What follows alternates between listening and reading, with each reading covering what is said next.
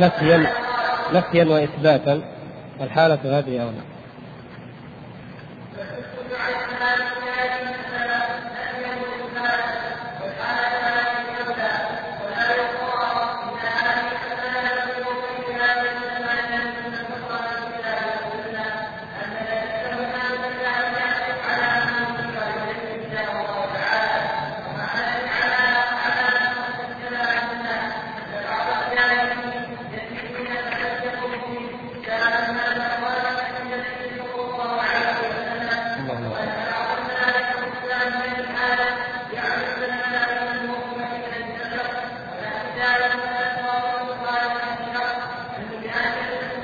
يكفي يكفي جزاه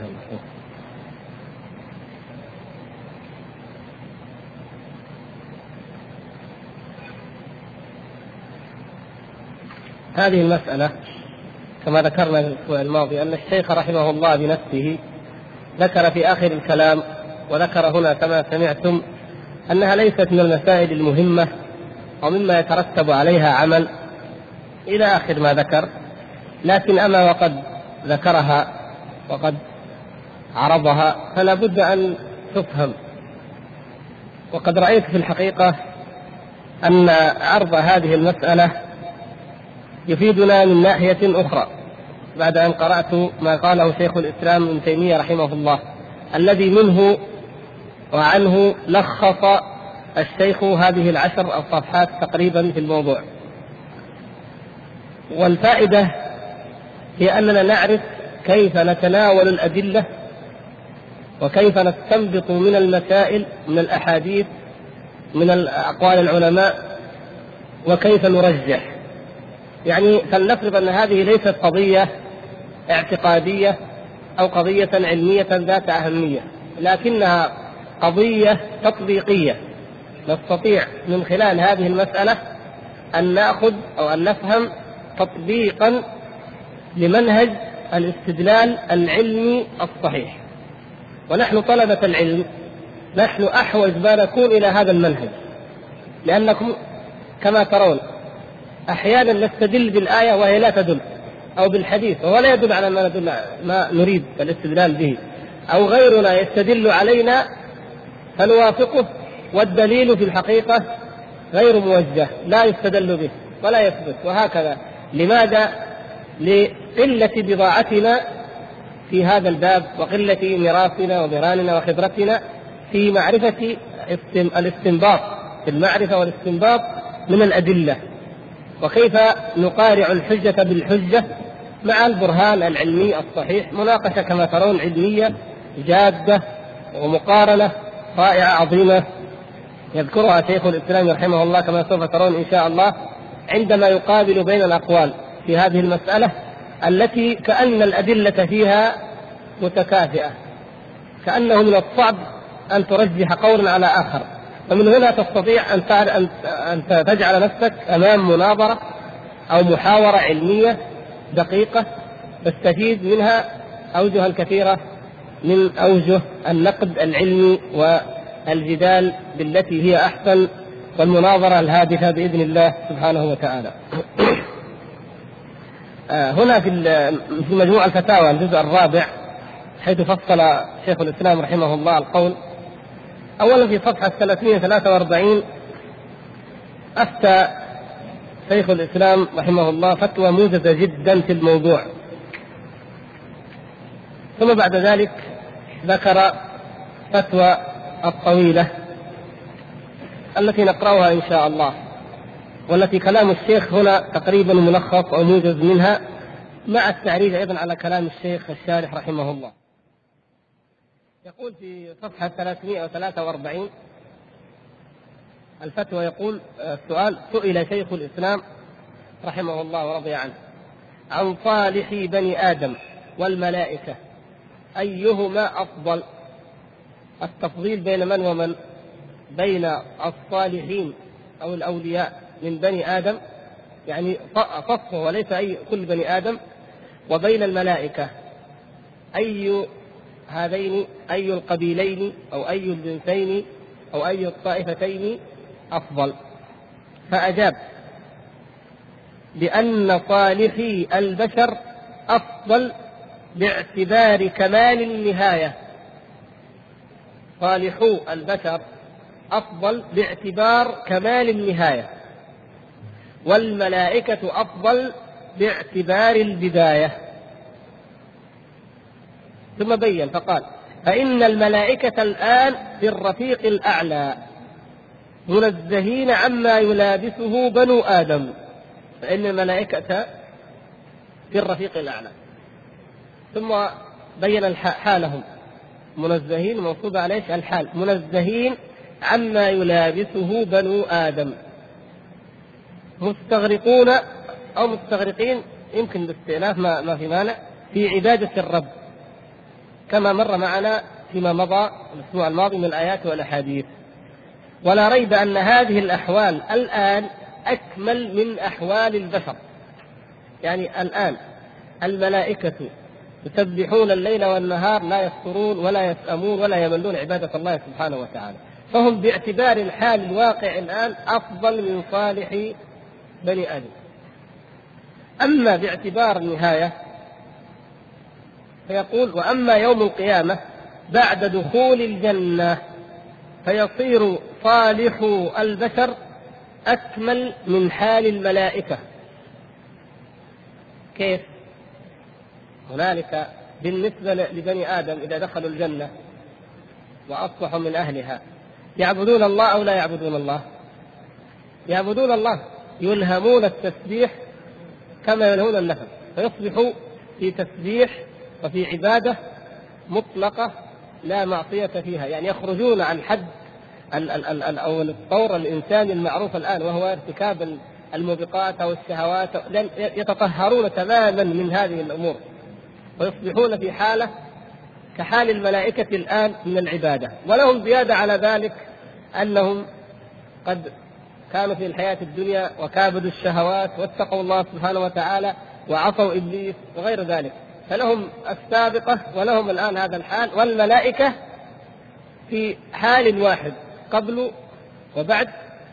فهنا يكون المآل والنهاية في صالح من؟ الصالحين من بني آدم. وأما الآن فحال الملائكة أفضل. قال ابن القيم طبعا قال ابن القيم هذه من كلام شيخ الإسلام ابن تيمية. هذا دليل على أن هذا ألحقت في الفتوى لكنها مذكورة. يقول قال ابن القيم وبهذا التفصيل يتبين سر التفضيل وتتفق أدلة الفريقين ويصالح كل منهم على حقه. يعني يصطلح الفريقان على هذا التفصيل.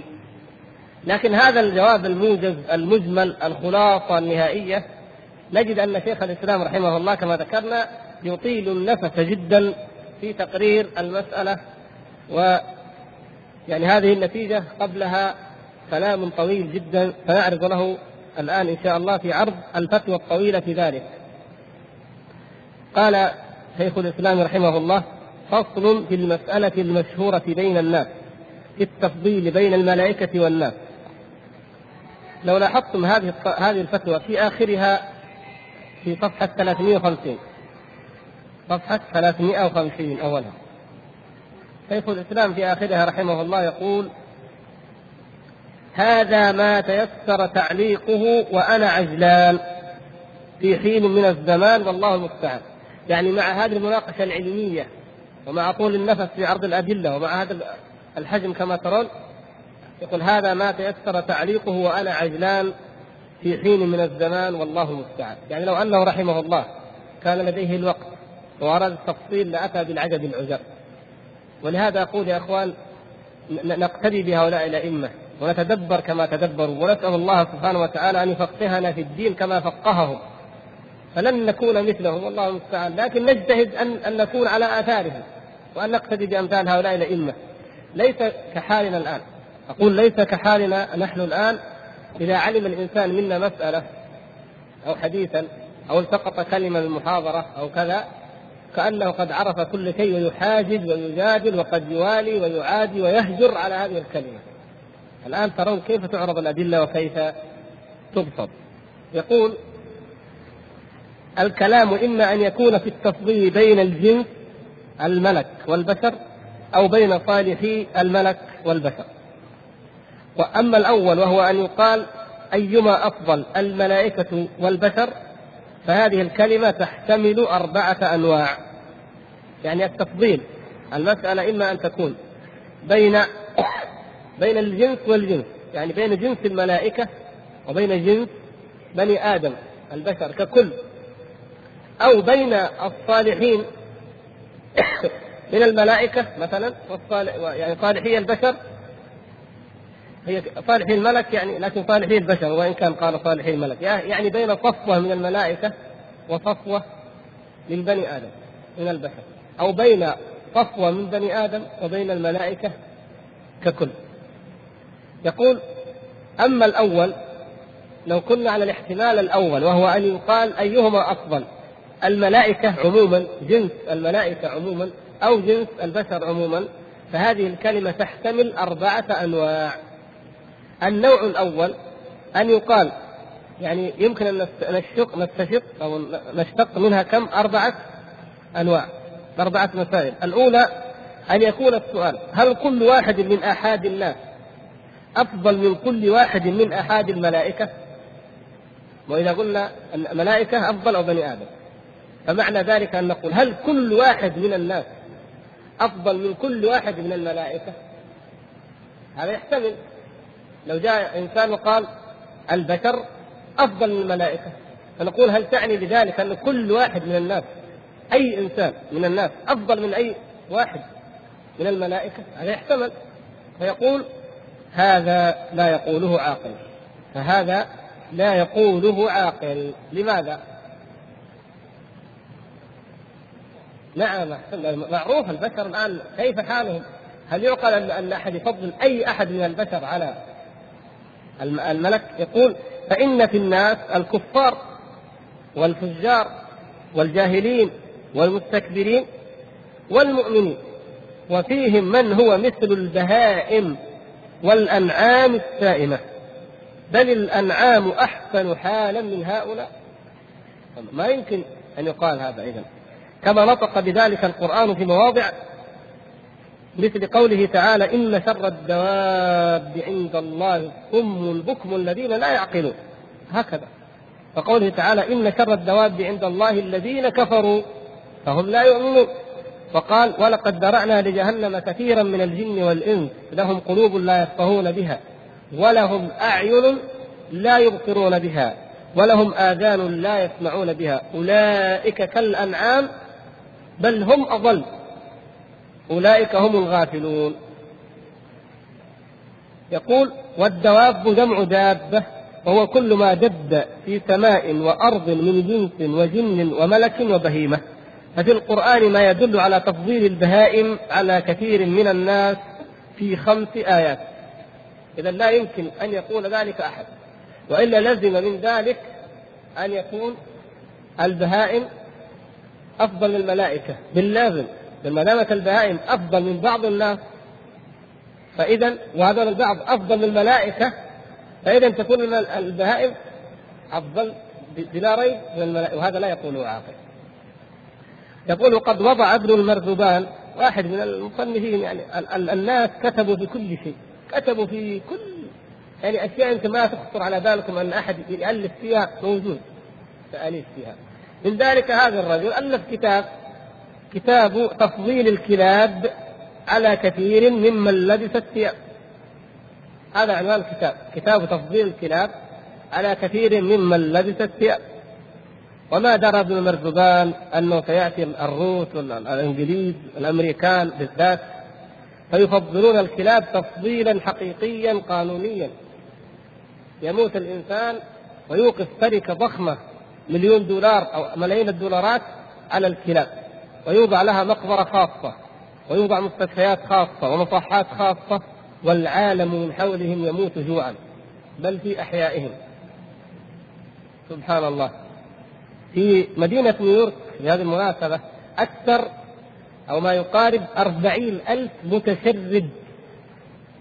وقد رأيتهم بعيني عياذا بالله لو رأيتم أحوالهم. هؤلاء يسمون المتشردون أو المتشردين. ليس لهم مأوى ولا لا سكن ولا من يعولهم ولا من يأبه لهم. هؤلاء هكذا يمشون يمشون في أشكال غريبة جدا كبار سن أو معتوهون أو الله أعلم كيف أحوالهم. وهم يمشون هكذا في حالة مزرية جدا أحط من البهائم. ويعيشون على التسول. وإذا اشتد البرد كما في هذه الأيام اشتد البرد جدا تجد هؤلاء الناس كيف بعضهم يموت يوجد في الصباح وقد مات من البرد. والبعض لا يستطيع أن يتدفأ إلا عند أماكن تبخر بعض الآلات أو المصانع أو أو المغاسل أو ما أشبه ذلك. فيذهب طول الليل ويظل فوق هذه المبخرة الأرضية يستدفئ بها في بخارها حتى لا يموت من البرد. ثم يتسولون الناس. يتسولون الناس وبعضهم يعطيه دولار بعضهم يعطيه قطعة عيش وقد رأيتهم أقول في منهات في وسط نيويورك وهم ينقبون في القمامة أكرمكم الله ليأكلوا مما يلقيه الناس بجوار أحد المطاعم. والناس لا يأبهون لهم أبدا وهم أمريكان. من نفس البلد ألوانهم وجنسياتهم وأشكالهم نسأل الله العفو والعافية. يعني يقول هذا كلام يعني يقوله من باب آخر لكن الآن موجود عمليا وفي البلاد التي تدعي الحضارة نسأل الله العافية. يقول وقد جاء ذلك في ذلك من المأثور ما لا نستطيع إحصاءه يقول شيخ الإسلام رحمه الله مثل ما في مسند أحمد رب مركوبة أكثر ذكرا من راكبها وفضل البهائم عليهم من وجوه كيف تفضل عليهم البهائم؟ طيب يعني نقراها باختصار عشان أحدها أن البهيمة لا سبيل لها إلى كمال وصلاح أكثر مما تصنعه. خلاص هذه نهايتها ما تستطيع لا تستطيع أن ترقى أو تترقى أكثر مما هي فيه. والإنسان له سبيل لذلك. فإذا لم يبلغ صلاحه أو إذا لم يبلغ هو صلاحه وكماله الذي خلق له زال نقصه وخسرانه من هذا الوجه. إذا لم يجتهد ليرفع نفسه. وتركها كالحط في أسفل سافلين أما البهيمة فلها قدر لا يمكن أن تتعدى. ومن ذلك نستطيع أن نرد وهذا من الردود العلمية الواضحة جدا على الداروينية وأشباهها في مسألة قولهم بالمفاضلة بين الإنسان والحيوان أو أن الإنسان كان حيوانا أو تطور. وكما قال جوليان هيرتلي يقول أنه كان يمكن أن ترتقي القطه أو الفأر أو الضفدع ليكون سيد المخلوقات محال الإنسان. قلنا ما يمكن هذا ابدا. من ذلك بالأمر المشاهد المعروف أن أذكى الحيوانات وأكثر الحيوانات فطنة أو دهاء أو شئت من أوصاف يصح في اللغة أن تطلق على الحيوان كالثعلب أو الدب أو غيرها مما له صفات معينة القردة لم يطور نفسه خلال القرون الطويلة على الإطلاق. يعني الثعلب يحفر آه، نفق يسكن فيه مثل ما كان يحفر أجداده من الثعالب طوال التاريخ. وكذلك القرد يسكن كما كان يسكن أجداده القردة من آلاف أو ملايين السنين كما يزعمون. لم يفكر في أي شيء تطويري ابدا لأنه محدود عند حد معين لا يمكن أن يتعدى. أما الإنسان فأمر مقطوع به عند البدائيين عند اي اي ايا كان الإنسان في أي زمان في أي مكان أن الإنسان دائما يفكر أن يحسن ويفكر أن يطور دائما فتجد سكن اول أمر في البيت بعد فترة يحط له نافذه، بعد فترة يعلم فيه حاجة، بعد فترة يرسم فيه رسوم على الجدار، حتى لو كان كهف أو شيء. وهكذا يطور ويطور. كان يركب مثلا الدواب طور ذلك أكثر. كان يركب السفينة فطورها إلى أن اكتشفت الآن البخارية. ثم بعد ذلك طورها إلى أكثر. ثم الآن يرتقي ويمتطي الأقمار ويغزو الفضاء. فهكذا الأقمار الصناعية. يعني فرق أساسي جدا بين طبعا نحن نحن نؤمن بفروق اساسيه لكن نتكلم عن الذين لا يعلمون إلا ظاهرا من الحياة الدنيا وهم عن الآخرة هم غافلون. فنقول لهم هذا امام عينكم الآن. انظروا الإنسان في أي مكان وانظروا الحيوان. فاذا هو الحيوان له حد لا يتعدى. ثاني الأسباب التي أو الوجوه التي تفضل بها البهائم على بعض بني آدم أن البهائم لها أهواء وشهوات بحسب إحساسها وشعورها ولم تؤت تمييزا وفرقانا بين ما ينفعها ويضرها. والإنسان قد أوتي ذلك وهذا الذي يقال الملائكة لهم عقول بلا شهوات والبهائم لها شهوات بلا عقول والإنسان له شهوات وعقل. يعني مما يقال من الحكم فمن غلب عقله شهوته فهو أفضل من الملائكة أو مثل الملائكة. ومن غلبت شهوته عقله فالبهائم خير منه. وثالثها أن هؤلاء لهم العقاب والنكال والخزي على ما يأتونهم من الأعمال الخبيثة. يعني بني آدم البشر إذا انحطوا وتركوا أمر الله. فهم شر من البهائم. شر أشر حالا أو حالهم شر من حال البهائم. لماذا؟ لأنهم يعاقبون. لهم الخزي والعار والعقوبة. فهذا يقتل وهذا يعاقب وهذا يقطع وهذا يعذب ويحبس هذا في العقوبات المشروعة. في العقوبات الشرعية أن الإنسان إذا سرق أو أذنب أو أجرم يعاقب. عقوبات شرعية منها الحدود والتعازير وغيرها. والبهائم غير مؤاخذة. ولو سرقت ولو نقبت ولو أخذت لأنها بهائم. فإذا هم شر منها. وأما العقوبات المقدرة العقوبات القدرية العقوبات الكونية فأيضا هذا واضح. فقوم أغرقوا مثل من؟ عاد أغرقوا. ونوح. قوم نوح. قوم نوح وقوم نعم. وقوم أهلكوا بأنواع العذاب مثل عاد وثمود إلى آخره. وقوم ابتلوا بالملوك الجائرة تحريقا وتغريقا وتمثيلا وخلقا وعمل والبهائم في أمان من ذلك. يعني حتى من الابتلاءات القدرية أن يبتلى الناس بملوك الجور وحكام الظلم. وعندنا الأمثلة الآن يعني عبد عبد الناصر ولا شاوشيسكو ولا غورباتشوف بعد فترة. طبعا شوف الآن عادل بعد ما يموت يطلعوا فضائحه. أبو رقيبة أي واحد بعد ما يموت بعد كم سنة تسمعوا فضائحه وظلمه. يعني هذه عقوبات من الله سبحانه وتعالى يسلطها على الشعوب إذا عصت الله عز وجل. هذه عقوبات ربانية وليس كما يظن الناس بعض الناس أن داء الداء والمصيبة في هؤلاء. فلو لو ذهبوا أو تغير النظام ارتحنا. خلاص إذا إذا سقط تاوسيسكو خلاص رومانيا ترتاح. ما هي كذا المسألة؟ المسألة هذه عقوبة. ولهذا قال الحسن البصري رحمه الله لما قال له القراء نخرج على الحجاج ونقاتله قال لا. لا يا أهل الكوفة أو يا أهل البصرة إن إن الحجاج عذاب من الله سلطه عليكم بذنوبكم. فلا تدفعوا عذاب الله بأيديكم وأرجلكم بل توبوا إليه واستغفروه وتضرعوا إليه. إن الله تعالى يقول ولقد أخذناهم بالعذاب فما استكانوا لربهم وما يتضرعوا تضرعوا إلى الله وتوبوا إليه يرفع ذلك. لكن الأمة الفاسقة هي التي يسلط عليها هؤلاء الظلمة. فاستخف قومه فأطاعوه. إنهم كانوا قوما فاسقين. نعم.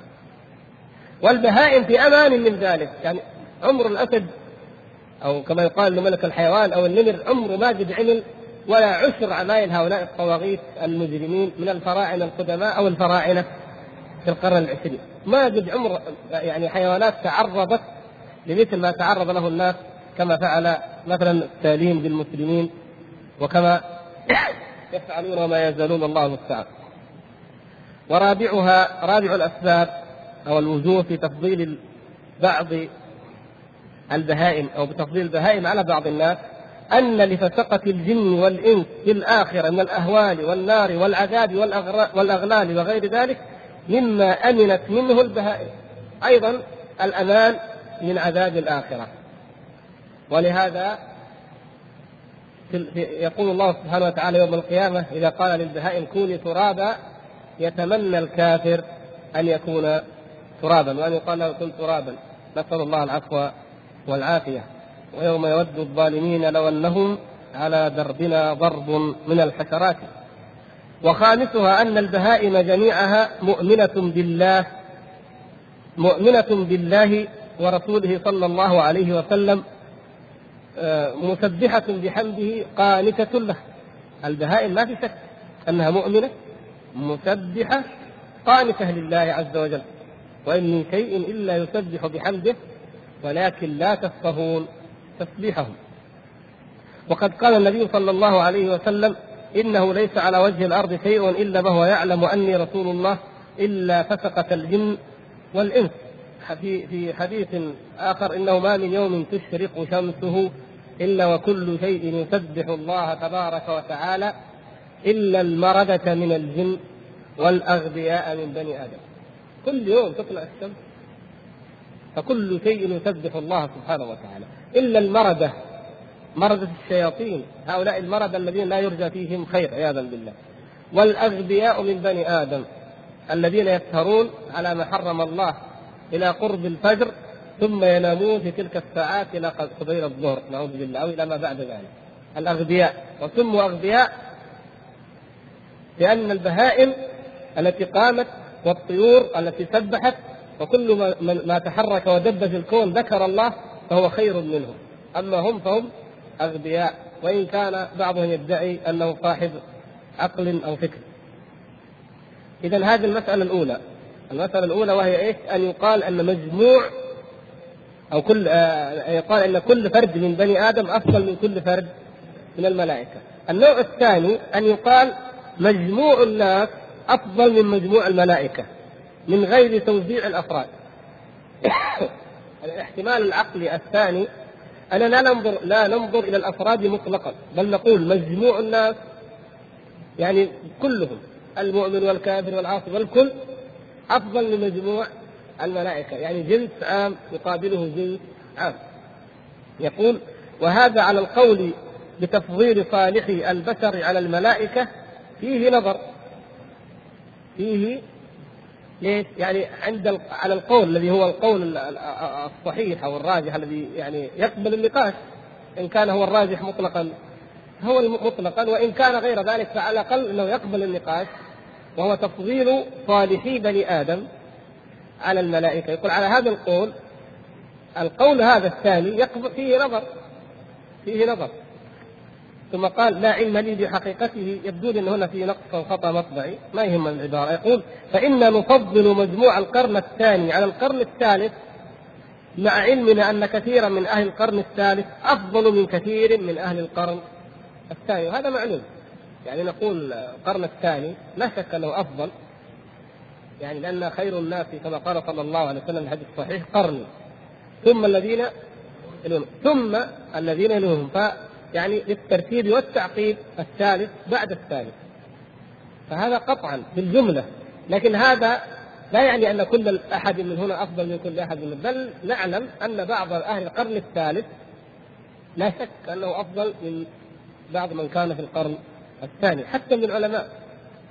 حتى من العلماء الاجلاء مثلا قد نفضل بعض العلماء المتأخرين على بعض من تقدم يعني بعض من في الثالث كالإمام أحمد رحمه الله تعالى على أساس أنه من أهل القرن الثالث الإمام أحمد مثلا أو الإمام الشافعي هم أفضل من بعض العلماء الفضلاء في القرن الذي قبلهم.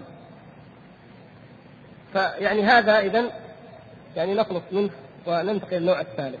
النوع الثالث أن إذا قابلنا الفاضل بالفاضل والذي يلي الفاضل بمن يليه من الجنس فأي القبيلين أفضل يعني إذا قلنا آه، نقابل فاضل الملائكة بفاضل بني آدم أو البشر ثم نقابل من دونه الذي يليه هنا بالذي يليه هنا فكيف يكون التفضيل؟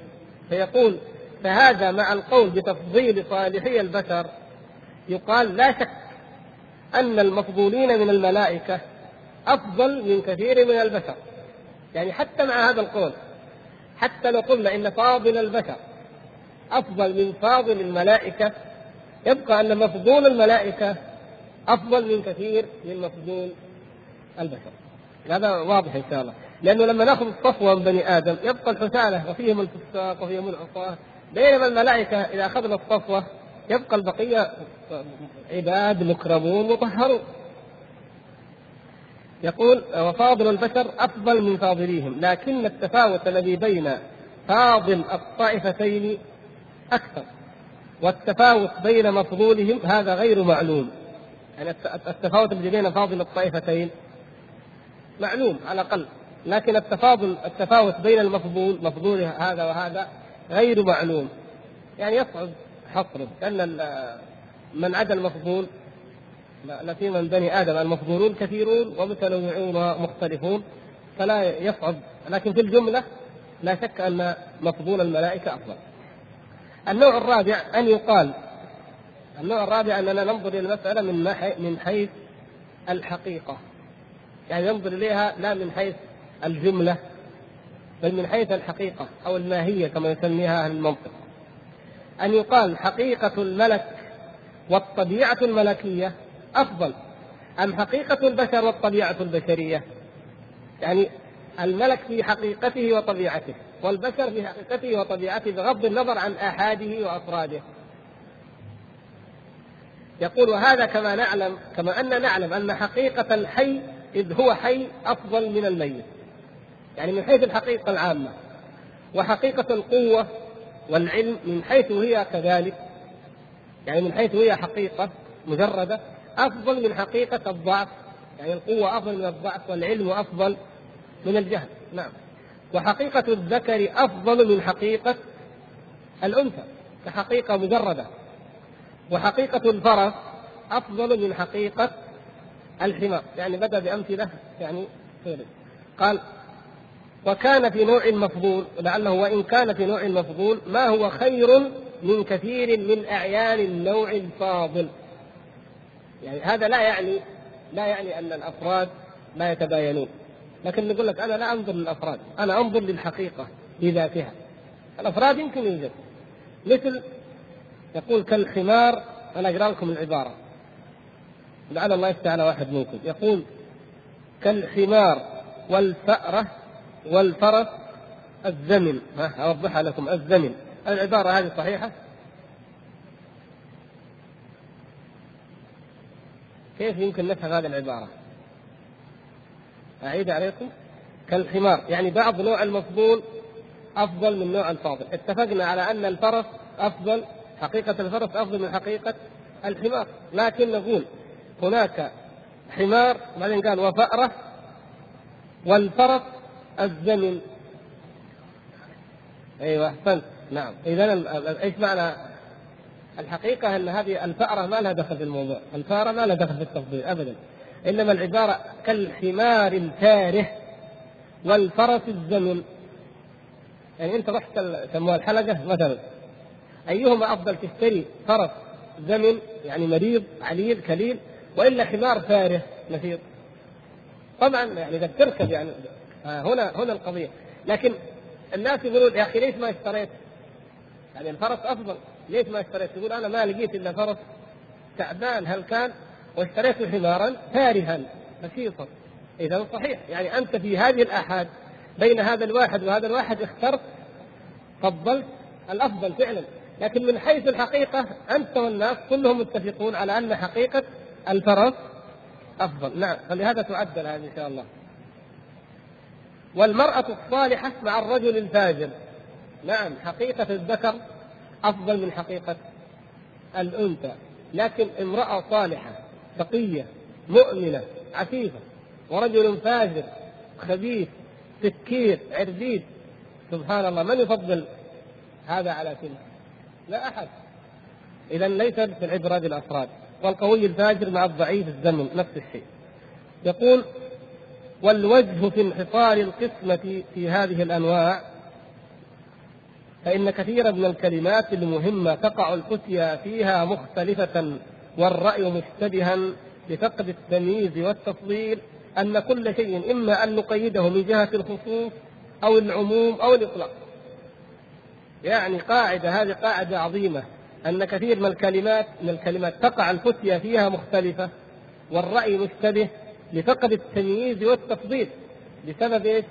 أنك ما ميزت اطلقت ما ميزت طيب من الأفضل؟ ما المقصود بالأفضل؟ ما معنى الأفضل؟ تريد كذا تريد كذا تريد كذا. ولهذا تجد كثير من الناس يتحدث في قضايا ويظن أنها غاية القوة والعلم. فإذا قلت له ماذا تعني بهذا؟ فصل. تعني كذا أو كذا؟ ها توقف. والله ما أدري كيف. إذا فيها تفصيل؟ نعم. فإذا فلذلك لابد ان أن الإنسان يفقه ما كان فيه تفصيل أن يتناوله من أي زاوية من أي زاوية تفصيل فيقول يعني لابد أن يقيد إما من جهة الخصوص أو العموم أو الإطلاق. فإذا قلت بشر وملك فإما أن فإما يمكن أن تريد هذا البشر الواحد فيكون خاصا. لو قلت أنا أفضل البشر على الملك. يقول كيف تقصد؟ يقول يا أخي أنا أقصد أن محمدا صلى الله عليه وسلم أفضل من إسرافيل. إذا انت أنت ذكرت واحد مقابل واحد. كلامك الأول أنك تقول بشر على ملك. إذا لم تقصد شخص مقابل يعني فرد مقابل فرد. أو جميع الجنس. تقول لا والله أنا أقصد كل بني آدم أفضل من كل الملائكة. أو تريد البشر مطلقا مجردا عن هذا العموم والخصوص. يعني المهم البشر. بدون بدون قيد يقول وضبطه يعني القليل والكثير والنوع والنوع الأول في التفضيل عموما وخصوصا والثاني عموما والثالث خصوصا والرابع في الحقيقة المطلقة المجردة. يعني الأقسام الأربعة هذه انه أن النوع الأول في التفضيل عموما وخصوصا والثاني في التفضيل العام والثالث في التفضيل الخاص والرابع في الحقيقة المطلقة المجردة أي الماهيه بغض النظر عن الذوات والاعيان. يقول فنقول حينئذ المسألة على هذا الوجه ليست لست أعلم فيها مقالة سابقة مفسرة. وربما ناظر بعض الناس على تفضيل الملك وبعضهم على تفضيل البشر. وربما اشتبهت هذه المسألة لمسألة التفضيل بين الصالح وغيره. يعني مسألتين مسألة المفاضلة العامة ومسألة التفضيل بين صالح البشر والملك. لكن الذي سنح لي والله أعلم بالصواب أن حقيقة الملك أكمل وأرفع وحقيقة الإنسان أسهل وأجمع. يعني بالنسبة للحقيقتين المفاضلة بين الحقيقتين أيهما أفضل الحقيقة الملكية أو الحقيقة البشرية؟ يقول حقيقة الملك أكمل وأرفع وحقيقة الإنسان أسهل وأجمع. ثم بين يعني أشياء يعني قد لا أرى أنه يعني نطيل فيها لكن المقصود إيش؟ أنه يقول أن وتفسير ذلك أن إذا اعتبرنا الحقيقتين وصفاتهما النفسية والتبعية اللازمة الغالبة الحياة والعلم والقدرة في اللذات والشهوات وجدنا اولا خلق الملك أعظم صورة ومحل الملك أرفع وحياته أشد وعلمه أكثر وقواه أشد وطهارته ونزاهته أتم ونيل مطالبه أيسر وأتم وهو عن المنافي والمضاد أبعد. لكن تجد هذه الصفات الإنسان بحسب حقيقته منها أوفر حظ ونصيب من الحياة والخلق والعلم والقدرة والطهارة وغير ذلك وله أشياء ليست للملك من من إدراكه دقيق الأشياء حسا وعقلا وتمتعه بما يدركه ببدنه وقلبه وهو يأكل ويشرب وينكح ويتمنى ويتغذى ويتفكر. إلى غير ذلك من الأحوال التي لا يشاركه فيها الملك. يعني أسهل وأجمع أكثر. الحقيقة البشرية أكثر سعة. فعند تنوع كثير. يعني الحقيقة الحقيقة الملكية كأنها محصوره طهارة وفضل وعبادة محدودة. لكن الإنسان حقيقته أعم من ذلك بكثير.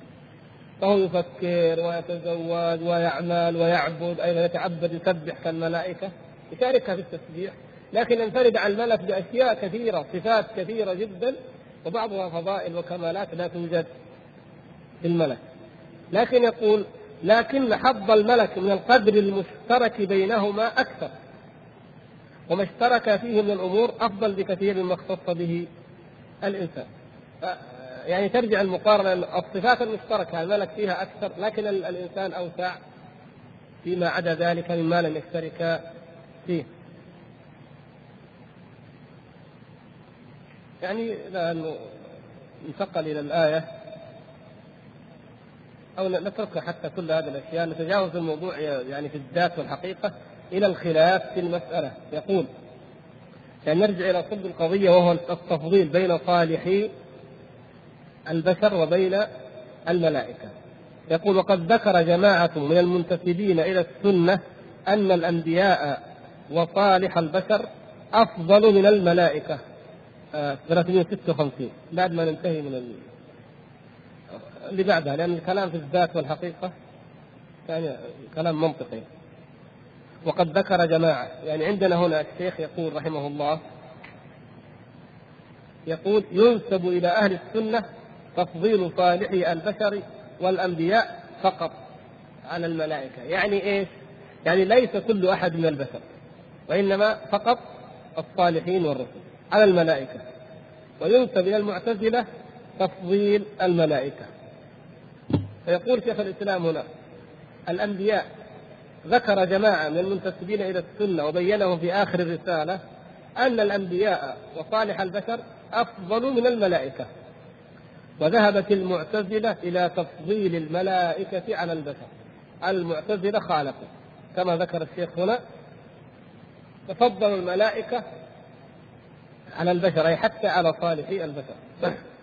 وأتباع الأشعري والأشعرية على قولين. منهم من يفضل الأنبياء والأولياء ومنهم من يقف ولا يقطع فيهما بشيء. يقول هنا ولا يقطع في ذلك قولا عندنا في الكتاب. وحكي عن بعضهم وشيخ الإسلام يقول حكي عن بعض متأخريهم أنه مال إلى قول المعتزله، الشيخ يقول وحكي عن بعضهم ميلهم إلى تفضيل الملائكة وهو قول المعتزلة، نعم غير في العبارة والمعنى واحد. وحكي ذلك عن غيرهم من أهل السنة وبعض الصوفية في الكتاب. يقول شيخ الإسلام وربما حكي ذلك عن بعض من يدعي السنة ويواليها، والعبارة هنا أدق. شوفوا كيف عبارة شيخ الإسلام أدق. أعيد لكم العبارتين يقول الشارح عندنا في الكتاب يقول الشارح وحكي ذلك عن غيرهم يعني عن غير الأشاعرة من أهل السنة وبعض الصوفية الشيخ الإسلام يقول ورب وربما حكي ذلك عن بعض من يدعي السنة ويواليها. يعني العبارة هنا قد توهم. يعني حكي ذلك عن غيرهم من أهل السنة كأن أهل السنة يشمل هذه الطوائف جميعا ولهم أقوال. لكن هذا يقول لا هنا يقول إيش؟ ربما حكي ذلك عن بعض من يدعي السنة ويواليها. لكن قد لا ليس كل من يدعيها. أو يدعي أنه من أهلها يكون حقيقة. أخي على طريق الحق هنا منتصف الشريف. يقول وذكر لي عن بعض من تكلم في أعوال في أعمال القلوب. هذا الصوفية. هنا قال الشيخ الصوفيه ومشى. آه، عندنا في الكتاب. شيخ الإسلام يوضح يقول ذكر لي عن بعض من تكلم في أعمال القلوب أنه قال أما الملائكة المدبرون للسماوات والأرض وما بينهما والموكلون ببني آدم فهؤلاء أفضل من هؤلاء الملائكة. يعني أفضل من البشر يمكن. وأما الكروبيون الذين يرتفعون عن ذلك فلا أحد أفضل منهم. يعني فهؤلاء يعني بني آدم ها. نعم يعني جعل الملائكة نوعين الملائكة المدبرين يعني منفذين الذين يدبرون بإذن الله تعالى هذا الكون كما تقدم إيضاحه والملائكة الكروبيين وهم المقربين المقربون في الملأ الأعلى حملة العرش ومن حوله. يقول ف أما المدبرين أما هؤلاء المدبرين فبنو آدم أفضل منهم أفضل من نوع من الملائكة وليس الكل يعني. وأما الكروبيون فلا أحد يفضل عليهم يقول وربما خص بعضهم نبينا صلى الله عليه وسلم واستثناه من عموم البشر إما تفضيلا على جميع عام الملائكة أو على المدبرين منهم أمر العالم. وبعض الناس يقول لا نفس الكلام لكن نختص النبي صلى الله عليه وسلم.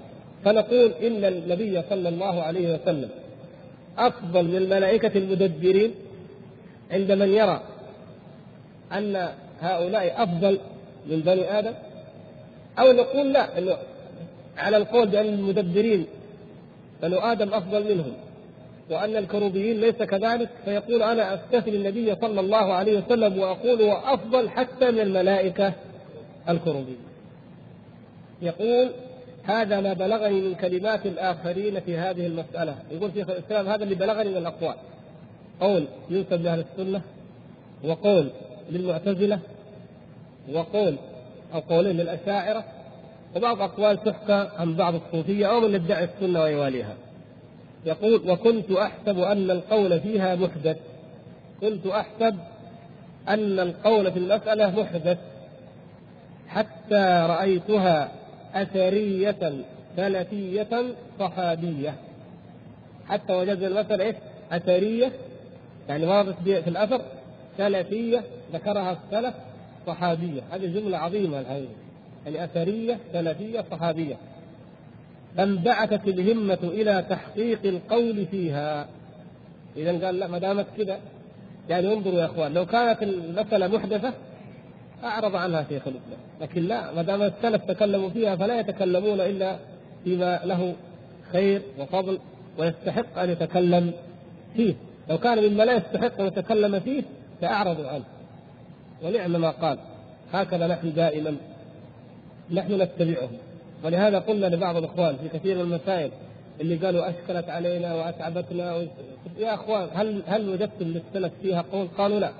اذا خلاص. هذه قاعدة ما دام لم تجدوا للسلف فيها قولا فاعلموا أنها محدثة. يعني انظروا ماذا قال العلماء إن قال أحد منهم وخذوها ببساطة يعني. لا تغلوا فيها. لا تجعلوها موالاة ومعاداه ومفاصله. هنا يعني آه، كلام شيخ الإسلام رحمه الله هذه العبارة يعني حتى رأيتها أثرية سلفية صحابية يناقض آه، يناقض ما عندنا هنا في الكتاب في آخر صفحة 277 كم في الطبعة اللي عندكم؟ كم؟ وللشيخ تاج الدين الفجاري رحمه الله مصنف سماه الإشارة في البشارة في تفضيل البشر على الملك وللسيف كم؟ 303 أيوه 303 في وسط الصفحة تقريبا ان الطبعة هذه لا مفصوله يأتي بالاسطر مرصوصه صفحة 303 في وسط الصفحة تقريبا. طيب نقرأ كلام الجزاري مقارنة بكلام شيخ الإسلام. يقول قال في آخره اعلم أن هذه المسألة من بدع علم الكلام. التي لم يتكلم فيها الصدر الأول من الأمة ولا من بعدهم من أعلام الأئمة ولا يتوقف عليها أصل من أصول العقائد ولا يتعلق بها من الأمور الدينية كبير من المقاصد. ولهذا خلا عنها طائفة من مصنفات أهل الشام وامتنع هذا الشام نعم وامتنع من الكلام فيها جماعة من الأعيان وكل متكلم فيها من علماء الظاهر بعلمه لم يخلو كلامه عن ضعف واضطراب. انتهى. والله الموفق للصواب. تركم هذا الكلام. صادق أو صحيح؟ أيوه نعم. هذا هو. إذا هذا الكلام. أيوه. يناقض ما قرره شيخ الإسلام. لأنه شيخ الإسلام ذكر أدلة. ونحن سنأتي الآن بأحاديث. ستاتينا أحاديث. وبعضها صحيح في مسألة التفضيل. فالقول بأنه من بدع علم الكلام باطلاق لا. يعني لكن نقول إيش؟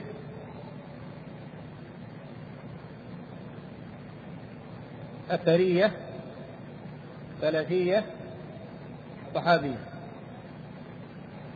لكن نقول إن كان الشيخ الفدائي رحمه الله يقصد يعني التوسع فيها يعني تفصيلا حتى أن يخوض أهلها في الكلام المذموم هذا نعم. أما أصل المسألة لا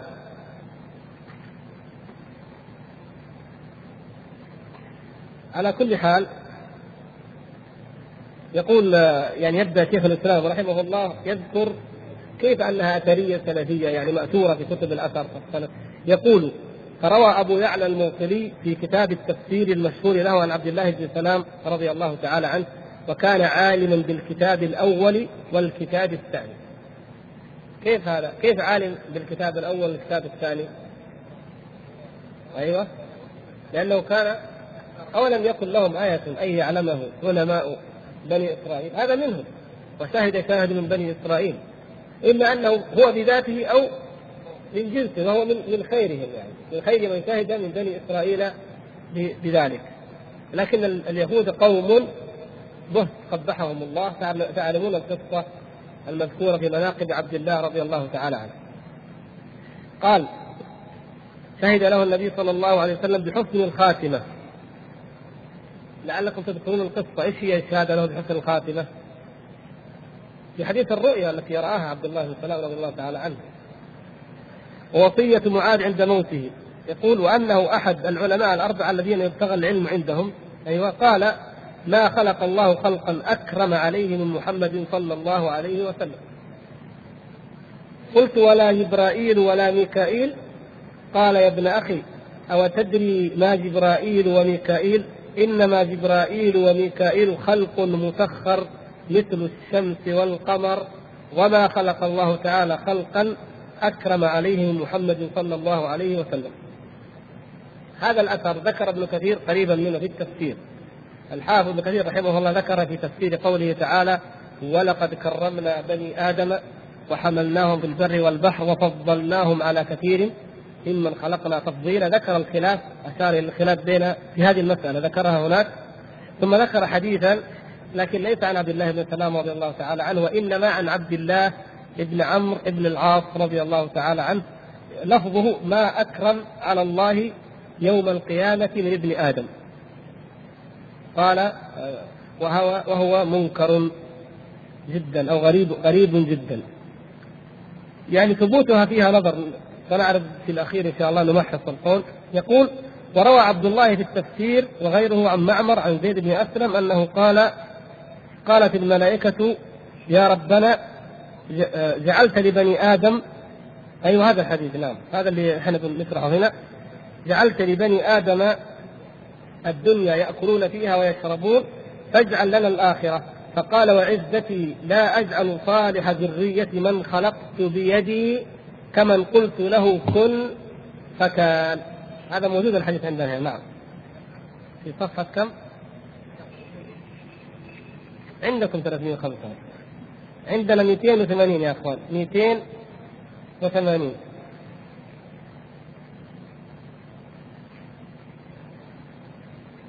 280 ذكر الحديث. بعد أن ذكر قول عبد الله بن سلام هذا أيضا قال ما خلق الله خلقا أكرم عليه محمد صلى الله عليه وسلم. الحديث قال الشيخ الارنوط أخرجه الحاكم في المستدرك أربعة 568 69 وصححه ووافقه الذهبي وهو كما قال. يعني هذا حديث عبد الله بن سلام أو كلام عبد الله بن سلام رضي الله تعالى عنه في تفضيل النبي صلى الله عليه وسلم خاصة. أما ما روي عن عبد الله بن عمرو وهو تفضيل بني آدم عامة فهو غريب جدا كما ذكر ابن كثير رحمه الله. لا هذا الحديث. ثم قال ومنه حديث عبد الله بن عمرو رضي الله عنهما الذي ذكره شيخ الإسلام هنا أن رسول الله صلى الله عليه وسلم قال إن الملائكة وجدتم الحديث يا إخوان إن الملائكة قالت يا ربنا إذا هذا شيء يعني هذا نص في مسألة التفضيل سواء على أي فهم نفهمه المقصود أنها واردة ومأثورة يعني. يا ربنا أعطيت بني آدم الدنيا يأكلون فيها ويشربون ويلبسون ونحن نسبح بحمدك ولا نأكل ولا نشرب ولا نلهو فكما جعلت لهم الدنيا فاجعل لنا الآخرة. فقال قال لا أجعل هذه على هذه الرواية اللي هنا لكن الرواية الأخرى موجود فيها. وعزتي نعم موجودة. ذكرها حتى ابن كثير عند الآية. قال لا, لا أجعل صالح ذرية من خلقت بيدي كمن قلت له كن فكان. لا أجعل صالح ذرية من خلقت بيدي كمن قلت له كن فكان. إذا لم يستجب لطلب الملائكة. في الدنيا أعطيتهم يأكلون ويشربون ويتمتعون فاجعل لنا الآخرة نحن نتمتع ونأكل و... يعني غير طبيعتنا لنتمتع في الآخرة كما أعطيتهم في الدنيا. فقال لا أجعله لا أجعل هذا كهذا. وأخرجه عبد الله بن بن أحمد بن محمد. هذا في في كتاب السنة. أخرجه في كتاب السنة. نعم. وهو الذي أيضا ذكره ابن كثير رحمه الله. نفس الرواية. أن الملائكة قال زاد فيه وينامون ويستريحون فقال الله تعالى لا. فأعادوا القول ثلاث مرات كل ذلك يقول لا. يقول والشأن في ثبوتهما فإن في سنديهما مقالا وفي متنهما شيئا. المقصود هنا أن الشيخ رحمه الله يقول إيش؟ الشأن في ثبوتهما الشارح. لو بحثنا نجد شيخ الإسلام ابن تيمية رحمه الله تعالى يصحح سند الحديث. شيخ الإسلام رحمه الله ذكر في بغية المرتاد كتاب حقق مؤخرا وهو مطبوع. كان مطبوعا مع الفتاوى الكبرى. الفتاوى الكبرى تعرفون غير مجموع الفتاوى. الفتاوى الكبرى الخمسة الكبار في آخرها بغية المرتاد. بالرد على الفلاسفة المتفلسفة والقرامطة وأهل الإلحاد. إلى آخره ها؟ هذا الكتاب يقول شيخ الإسلام فيه, فيه آه، صفحة 224 تحقيق الدكتور موسى الدويش. يقول وثبت بالإسناد الذي على شرط الصحيح. وثبت بالإسناد الذي على شرط الصحيح عن عبد الله بن عمرو أن الملائكة قالت يا ربنا أعطيت بني آدم. فجعل هذا الحديث صحيحا وجعل إسناده على شرط الصحيح.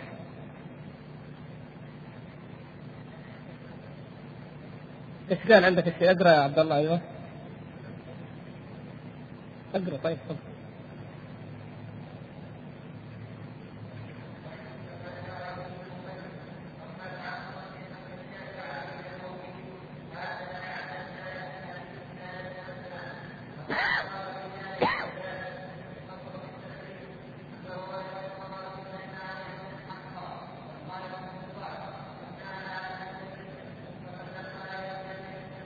أيوه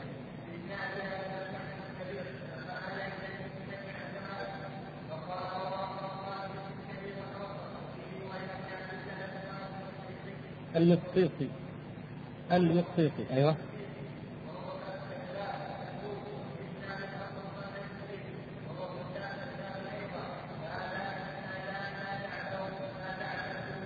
نعم يعني أسناد الطبراني طيب وهذا اللي ذكره الأرناؤوط هنا مأخوذ من كلام الشيخ.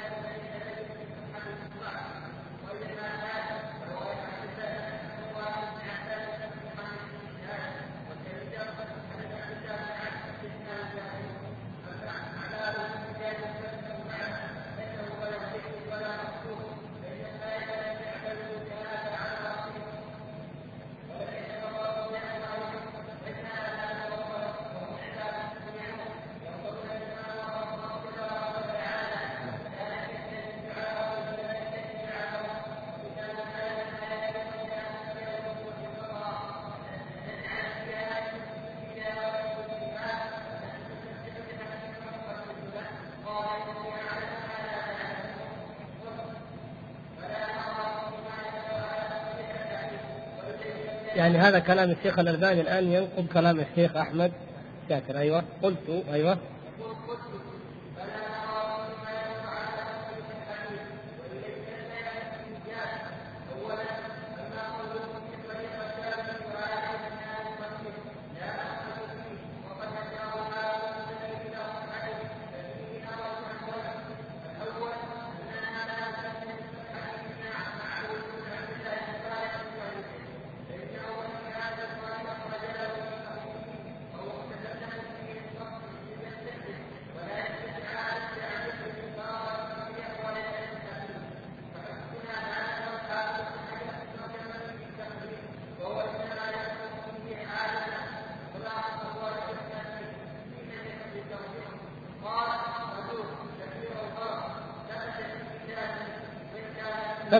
ثبت في كتابه.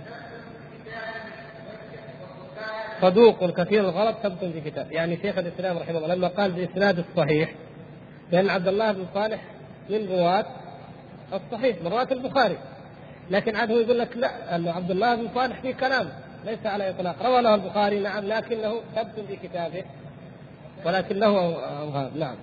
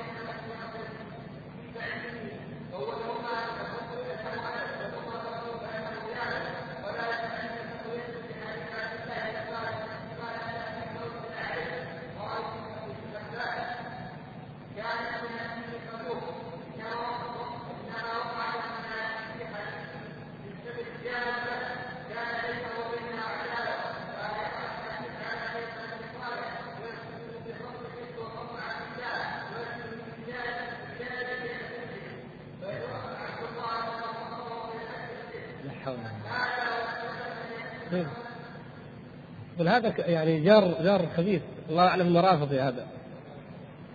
يكتب بخط يشبه خط الشيخ في كتاب الشيخ ويجي يقرأ ويقول حدثنا وقال وما هو ما هو حديث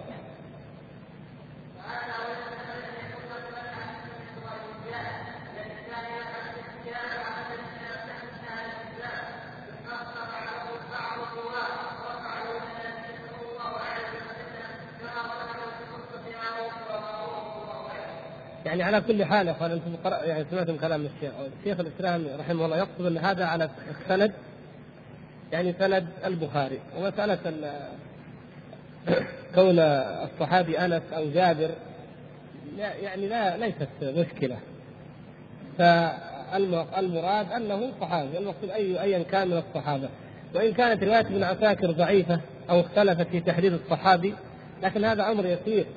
أمر يسير. اختلفت هل هو جابر أو انس ايا كان فهو صحابي والحديث صحيح متصل الإسناد متصل صحيح كما ذكر الشيخ ناصر فعلى ذلك يصح لنا أن نقول إن الحديث هذا صحيح.